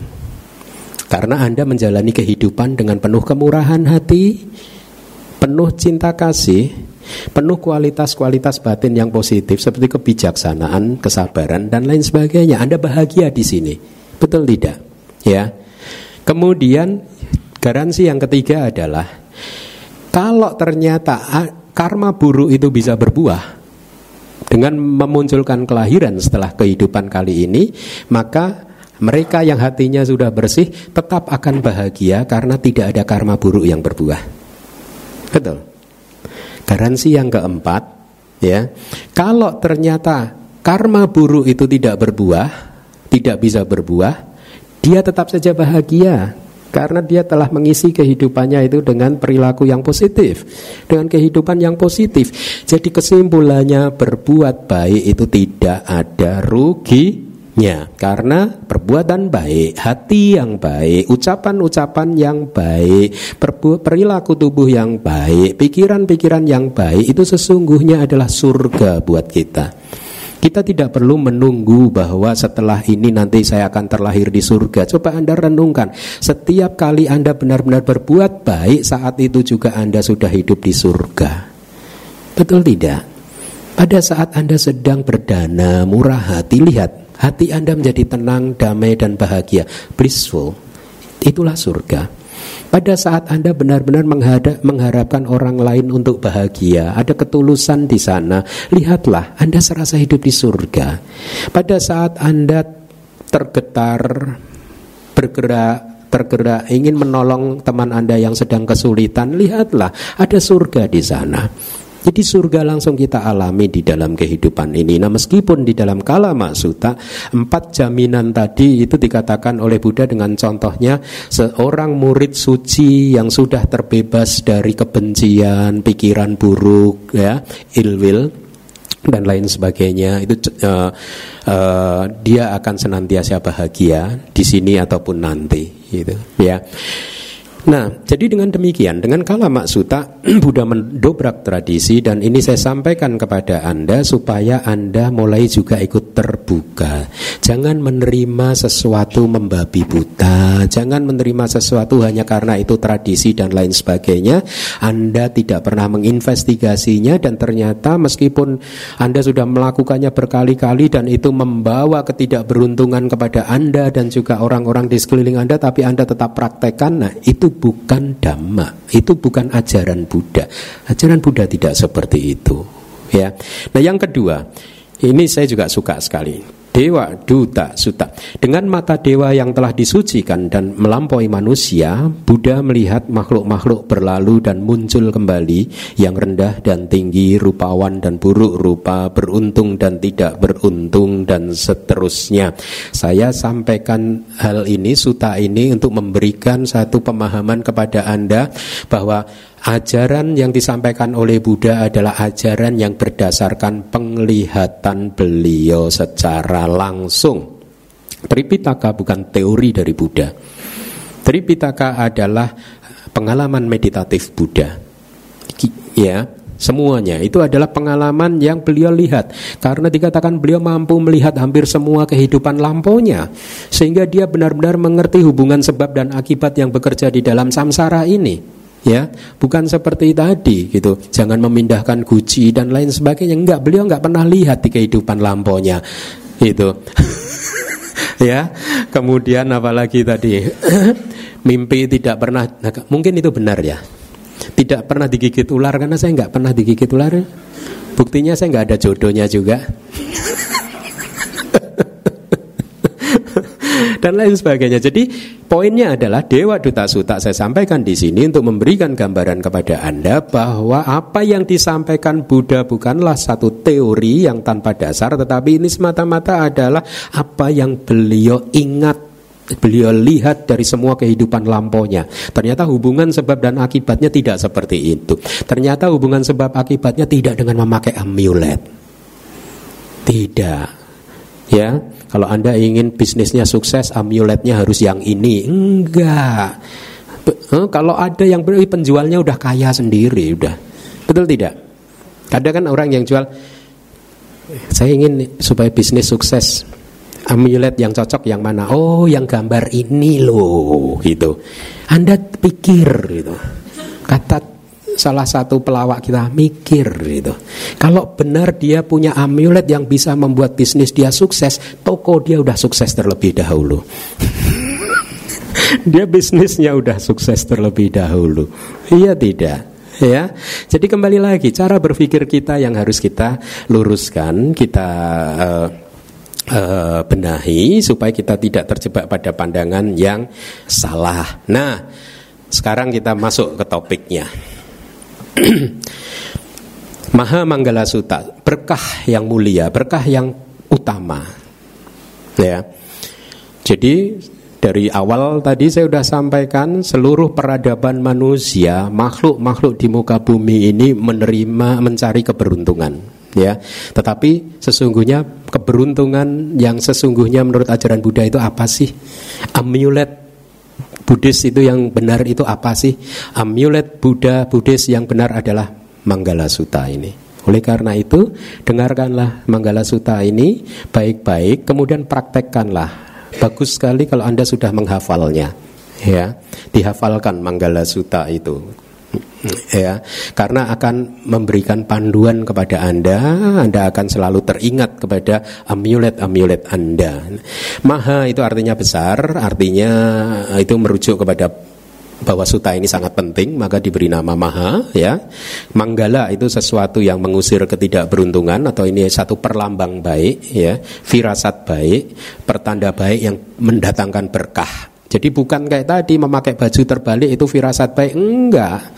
Firasat baik menurut Buddhism ada 38 yang ada di Manggala Sutta yang akan kita pelajari mulai minggu ini. Oleh karena itu Anda harus hafalkan. Kalau Anda ingin uh, sukses di dalam kehidupan ini ya, maka Anda harus mempraktekkan atau mempunyai 38 amulet Buddhis ini. Suta itu artinya tali atau benang ya. Jadi di kitab komentar dijelaskan kalau bunga itu supaya indah dia harus dirangkai, diuntai dengan uh, benang ya. Demikian pula dengan kata-kata Buddha supaya indah dia harus dirangkai sedemikian rupa sehingga itulah mengapa diberi nama juga sut kata ya jadi rangkaian kata-kata yang indah dan menjadi mudah untuk dipraktekkan 38 berkah yang akan kita pelajari ini adalah sistem etika di dalam Buddhism sebagai panduan buat kita demi memperoleh kemajuan moral dan kemajuan spiritual juga demi kebahagiaan kita, demi kebahagiaan keluarga dan juga demi kebahagiaan uh, masyarakat. Nah, suta ini muncul di India dulu. Jadi di zaman India dulu pun masyarakat India juga masih banyak yang percaya pada tahayul-tahayul ya. Jadi banyak yang mempercayai bahwa oh yang disebut firasat baik itu yang seperti ini. Nanti kelompok lain mendefinisikannya berbeda. Oh, firasat baik bukan seperti itu tapi seperti ini. Jadi masing-masing orang mempunyai uh, definisinya sendiri-sendiri. Nah, kemudian dengan suta ini Buddha mengajarkan no no no no no. Berkah yang utama yang sesungguhnya adalah yang ada di Manggala Sutta ini yang 38 berkah ini. Berkah ini timeless. Artinya timeless tidak lekang dimakan, tidak lapuk dimakan waktu. Dari dulu juga itu membawa berkah. Kalau Anda praktekkan, sekarang pun kalau Anda praktekkan juga membawa berkah. Besok sampai kapan pun kalau hal ini dipraktekkan akan membawa berkah timeless dan universal. Artinya apa? Siapa pun tidak harus mereka yang menjadi murid Buddha, yang bukan murid Buddha pun kalau mempraktekkan ini pasti hidupnya akan beruntung ya. Oleh karena itulah sekali lagi kalau Anda bisa menghafalkan suta ini sangat bagus sekali ya. Karena akan memberikan satu pedoman sistem etik di dalam Buddhis. Tidak hanya sistem etika sebenarnya. Etika yang harus kita praktekkan di dalam kehidupan sehari-hari tetapi di akhir dari suta ini itu uh, diajarkan oleh Buddha tentang satu sistem yang harus kita praktekkan supaya kita bisa terbebas dari samsara, supaya kita bisa terbebas dari uh, penderitaan ini. Nah, saya akan coba kelompokkan 38 berkah tertinggi itu dari Anda baca dari yang sebelah kolom yang kiri itu ada dua. Kolom pertama itu tentang sila kolom kedua tentang samadhi dan kolom ketiga tentang panya ya. Dari kolom sila kita akan mendapat 21 berkah nanti akan kita kupas satu persatu ada 21 21 berkah pun dibagi tiga menjadi pekerjaan persiapan apa yang harus kita siapkan kemudian yang kedua adalah kewajiban yang harus kita lakukan dan kemudian yang ketiga adalah untuk melatih kewaspadaan ya itu saya sudah kelompokkan aturan dasarnya itu manggala 1 sampai dengan manggala 6 artinya berkah yang pertama sampai dengan berkah yang keenam dan seterusnya uh, file presentasi ini akan diupload di website Dhamma Wihari jadi besok Anda sudah bisa mendownloadnya ya. Nah, jadi ada 38 amulet berkah yang benar-benar ini menjadi amuletnya Buddhis yang apa uh, mengajarkan kepada kita supaya kita bisa menjadi manusia yang bertanggung jawab di kehidupan sosial, juga bertanggung jawab secara spiritual untuk pembebasan kita dari segala bentuk penderitaan ya. Jadi dia akan memurnikan moralitas kita, memurnikan batin juga ya, kemudian menumbuhkan kebijaksanaan yang uh, mencerahkan gitu. Jadi 38 ini bisa jadi sebagai satu petunjuk hidup bagaimana kita harus menjalani kehidupan kita. Nah, mari kita lihat sila. Bagian yang pertama, latihan dasar itu berkah yang nomor satu sampai dengan berkah yang nomor enam. Suta itu dibuka oleh kalimat kira-kira seperti itu banyak dewa dan manusia itu memikirkan tentang berkah yang diharapkan bisa membawa keselamatan buat mereka. Dengan penuh rasa hormat, uraikanlah kepada mereka apakah berkah tertinggi itu. Ini kalimat disampaikan oleh spokesman, juru bicara dari dewa. Jadi Iya, memang di kitab komentarnya ada juru bicara dewa. Jadi di alam surga itu para dewa dalam tanda kutip galau. Memikirkan apa sih blessing itu berkah itu apa sih apakah benar tadi memindah guci nggak boleh pakai baju terbalik dan lain sebagainya. Jadi singkat cerita di sana pun galau itu Berkah yang benar-benar berkah itu seperti apa? Dan dia melihat ke bawah manusia juga tidak dalam satu keputusan yang sama.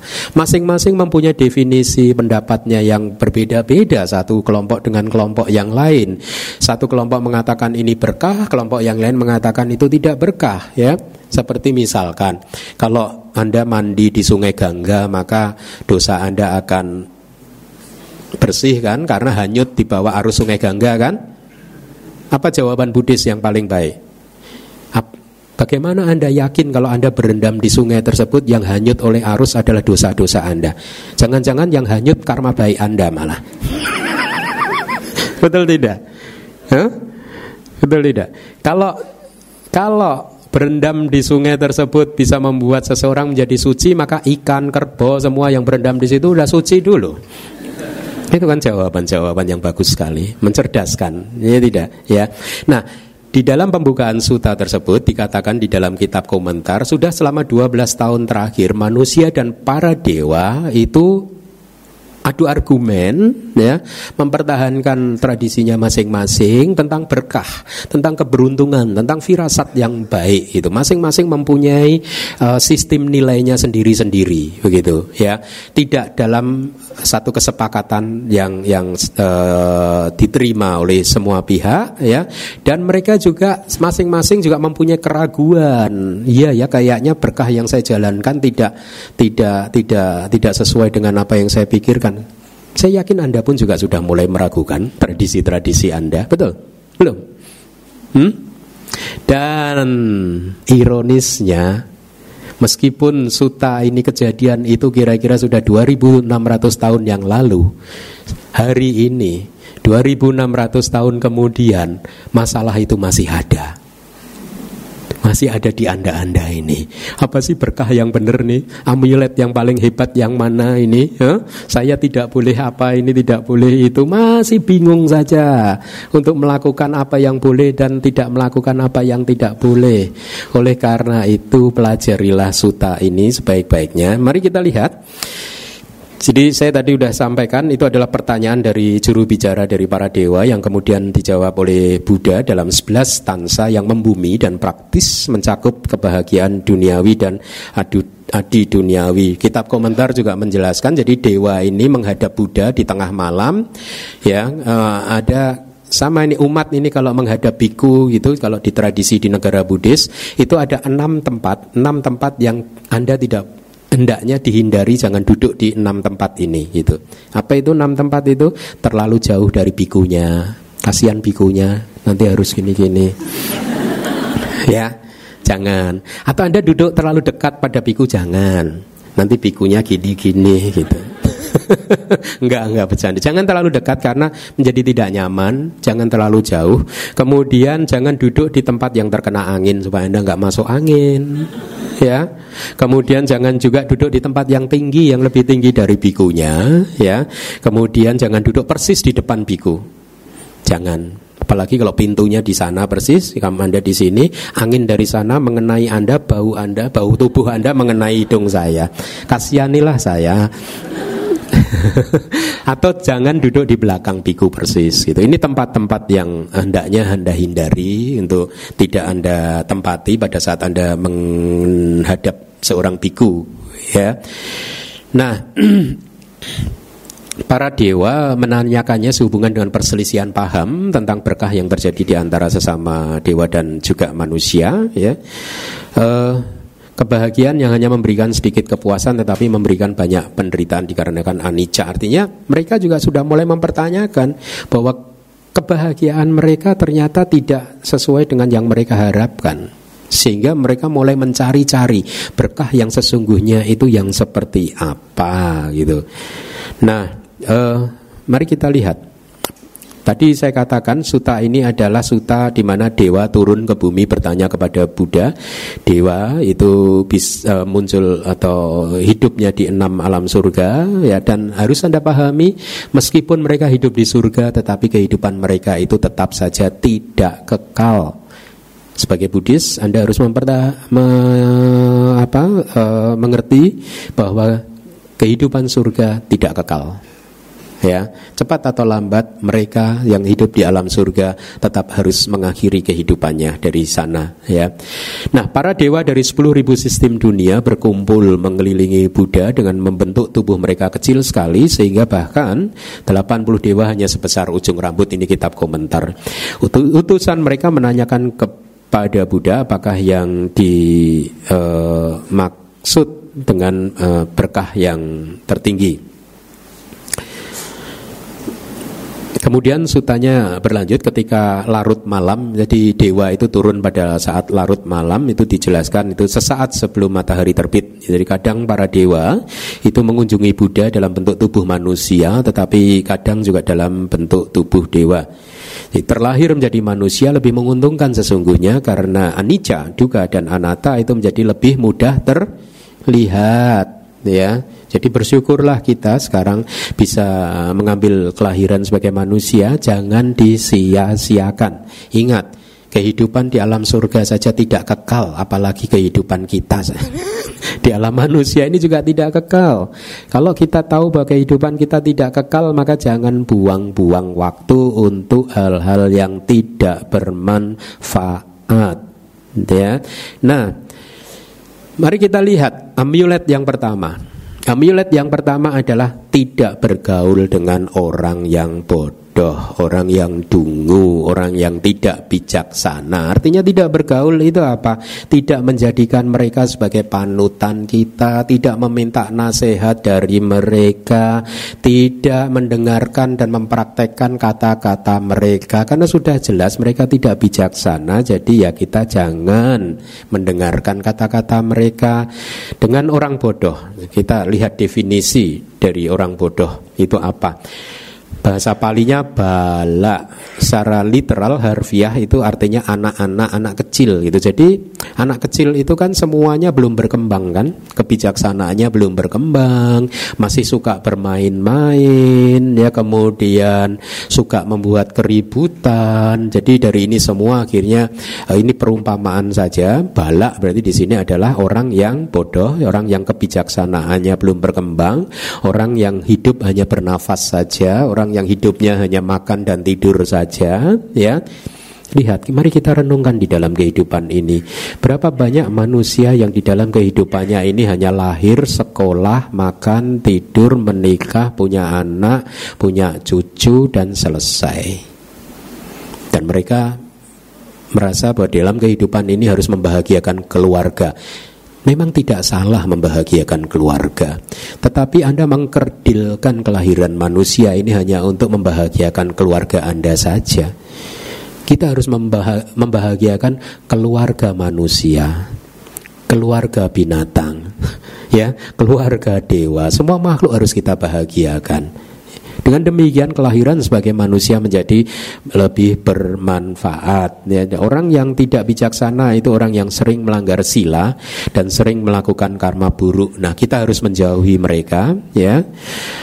Uh, Minggu lalu mungkin ada yang bertanya ya, kalau orang bodoh tidak ada yang mendekati lalu dia berkawan dengan siapa Bante gitu. bertemannya dengan Bante saya jawab begitu kan. Artinya Anda pun boleh berteman dengan mereka kalau Anda yakin bahwa Anda tidak akan terpengaruh oleh mereka. Atau Anda boleh berteman dengan mereka dengan niat yang mulia bahwa Anda akan membuat dia sadar sehingga dia menjadi manusia yang lebih baik ya hati-hati ya. Karena kita sebagai orang yang masih mudah terkena infeksi kekotoran batin orang lain kita ini sering mencontoh perilaku-perilaku orang lain. Di mana Anda berkumpul di situ biasanya nilai-nilai yang dijunjung di dalam komunitas tersebut akan menjadi nilai yang Anda junjung juga. Karena sesungguhnya manusia hanya berkumpul dengan mereka yang sejenis. Paham mereka yang tidak bijaksana akan berkumpul dengan mereka yang tidak bijaksana. Mereka yang bijaksana akan berkumpul dengan mereka yang bijaksana. Kecuali hal-hal khusus seperti tadi, Anda sengaja berkumpul dengan orang yang tidak baik, tidak bijaksana karena Anda ingin merubah mereka, ingin membuat mereka menjadi manusia yang baik dan manusia yang bijaksana.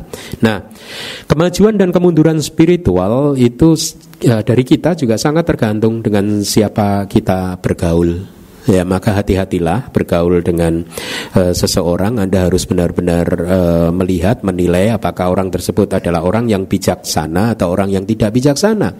Dan hati-hati juga bahwa orang yang bodoh bukan berarti orang yang tidak cerdas orang yang tidak berpendidikan bukan. Definisi orang yang bodoh tidak bijaksana balak di dalam Buddhism adalah orang yang Mungkin mereka malah paham Tripitaka tetapi mereka tidak suka berdana, tidak mempraktekkan sila, tidak suka bermeditasi, tidak mempraktekkan dhamma, pelajaran yang mereka dapatkan dan seterusnya.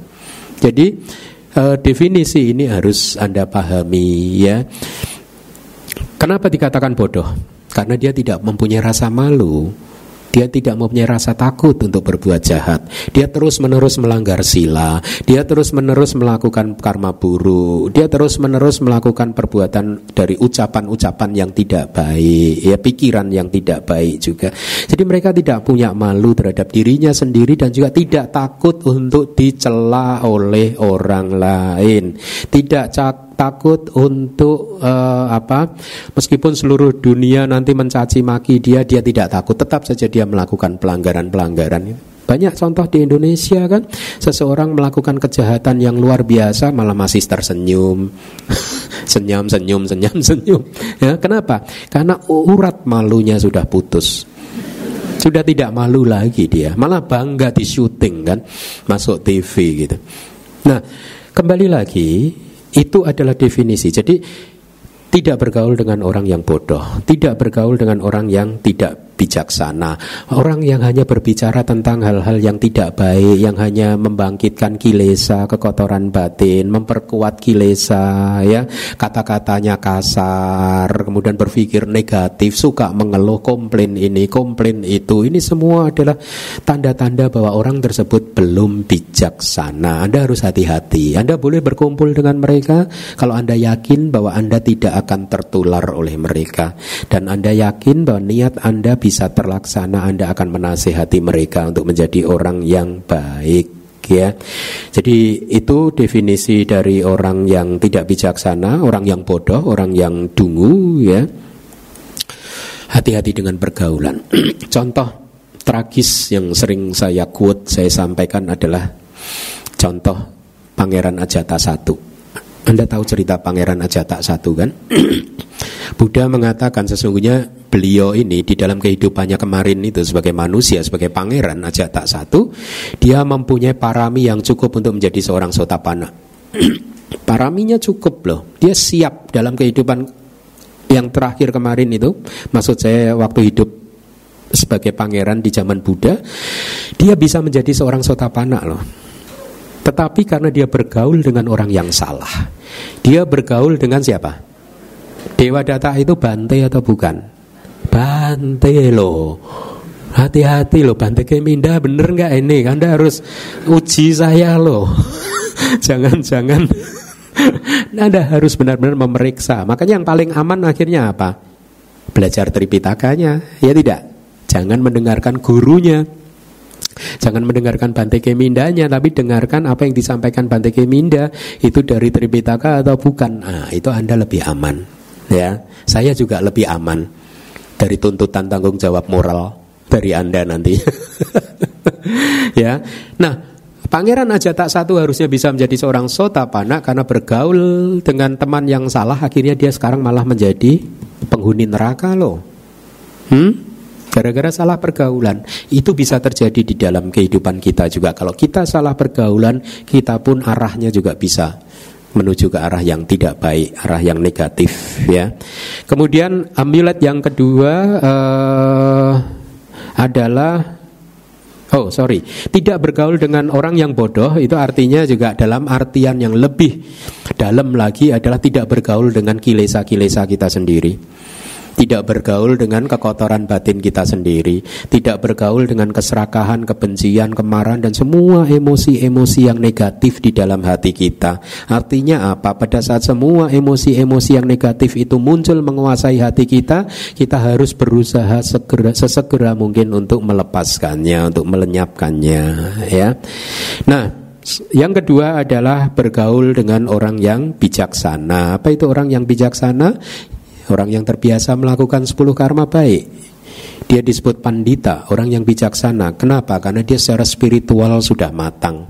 Dia terpelajar dan berpengalaman dalam memberikan nasihat yang menghasilkan keyakinan terhadap Buddha Dhamma Sangha dan latihan menjadi semakin kuat, membuat niat mulia Anda untuk terus senantiasa melatih dana sila bawana menjadi semakin kuat. Nasihat mereka membuat pikiran kita menjadi semakin jernih, nasihat mereka membuat pengendalian diri kita menjadi semakin baik, perilaku kita menjadi semakin baik, bisa menekan panca niwarana lima rintangan batin sehingga akhirnya kebijaksanaan kita berkembang dan akhirnya kita bisa mencapai pembebasan. Ini adalah orang yang bijaksana yang harus kita uh, dekati ya. Kita dengarkan nasihatnya ya. Kalau kita berkumpul dengan orang yang bijaksana coba anda perhatikan ya. Anda akan tertarik untuk berada di dekatnya karena apa? Anda ingin mendengarkan kata-kata dia. Ya, Anda waspada tidak lolos satu kata pun karena Anda ingin mengetahui cara berpikir dia. Cara berpikir dia yang sering tidak terduga, ya sering tidak kita bayangkan, ya sering uh, tidak kita harapkan bisa muncul dari mereka yang bijaksana, ya. Kemudian cara dia menyelesaikan masalah yang dia hadapi itu selalu menarik perhatian kita, ya. Jadi bergaulah dengan orang-orang yang bijaksana karena dengan demikian Anda akan bisa copy paste perilaku mereka. Mengkopi, meniru ucapan-ucapan mereka, cara berpikir mereka, cara mereka menyelesaikan masalah, ya, cara mereka menjalani kehidupannya, ya. Dengan demikian maka Anda akan terinspirasi dan akan menjadi seperti dia, ya. Cara berbicaranya jadi seperti dia, mungkin cara melakukan sesuatu apa pun. Anda belajar dari dia. Yang ketiga, amulet yang ketiga adalah menghormati mereka yang patut dihormati. Siapa sih mereka yang patut dihormati? Buddha, anggota sangga, orang yang sudah mencapai pencerahan suci Arya ya. Kemudian orang tua guru-guru kita karena mereka ini telah berjasa di dalam kehidupan kita. Baik berjasa secara materi maupun secara spiritual dalam hal ini juga Anda bisa kembangkan Anda harus menghormati mertua Anda ya. Meskipun mertua Anda seperti ini seperti itu ya Anda pahami namanya mertua ya memang seperti itu. Sabar Hormatilah karena mereka lebih tua dari kita. Kemudian juga saudara tua kita, kita juga harus menghormati siapa pun yang lebih tua dari kita, kita harus menghormatinya, ya. Maka dengan menghormati mereka yang memang pantas untuk dihormati, Anda sudah memegang juga satu amulet. Ini adalah pertanda baik, firasat baik yang akan membuat kita jauh dari mara bahaya, jauh dari ketidakberuntungan dan sebaliknya kita akan mendapatkan keberuntungan. Cara menghormatinya bagaimana? Di kitab tafsir ada dua bentuk penghormatan. Yang pertama adalah amisa puja, menghormati dengan bentuk penghormatan dengan menggunakan materi-materi tertentu. Yang kedua dhamma puja, menghormati eh, dengan menggunakan dhamma. Makanya kalau Anda menghormati Buddha, cara menghormatinya tidak bersujud, tetapi cara menghormatinya adalah melatih dana, sila, bawana. Ya, itu cara menghormati yang benar. Kalau Anda menghormati uh, sangga, bukan dengan menghormati semata-mata hanya memberikan materi ya, penghormatan dengan menggunakan materi seperti makanan dan lain sebagainya tetapi lebih pada bagaimana Anda mempunyai komitmen yang lebih untuk mempraktekkan dana, sila, bawana ya jadi itu penghormatan yang baik. Ya mereka yang pantas dihormati menyenangkan untuk diajak berdiskusi tentang dhamma menyenangkan untuk diajak berkawan ya. Bisa mereka juga bisa bergaul dengan berbagai kalangan. Orang-orang tertentu itu sangat tinggi hati sangat sombong. Mereka tidak bisa menghormati mereka yang pantas dihormati. Ketemu biku juga buang muka. Anda lihat, menghormati orang yang pantas dihormati adalah berkah. Dan juga menghormati mereka yang pantas dihormati itu adalah kebajikan perbuatan baik. Jadi sesungguhnya pada saat Anda menghormati mereka yang pantas dihormati, Anda sedang melakukan sesuatu yang baik buat Anda sendiri. Bukan buat semata-mata bukan buat objek yang Anda hormati Tetapi lebih buat Anda sendiri. Anda bersujud kepada Buddha bukan untuk Buddha Tetapi buat Anda sendiri. Anda bersujud kepada Sangga bukan untuk Sangga Tetapi buat Anda sendiri. Kenapa Anda tidak mau melakukannya? Ya Anda menghormati saudara tua yang uh, saudara tua buat Anda sendiri juga Ya, jadi mari kita latih hal-hal seperti itu ya. Dengan uh, terus mempraktekkan amulet Buddhis yang seperti ini, maka kita akan mendapatkan keberuntungan. Itu kata uh, apa manfaat dari suta ini ya, keberkah yang utama sehingga dengan demikian kita akan bisa meng, ter, menjadi uh, terjauhkan dari hal-hal yang tidak baik, ketidakberuntungan dan lain sebagainya. Baik, jadi saya rasa kita cukupkan dulu kelas kita hari ini sampai di sini. Terima kasih.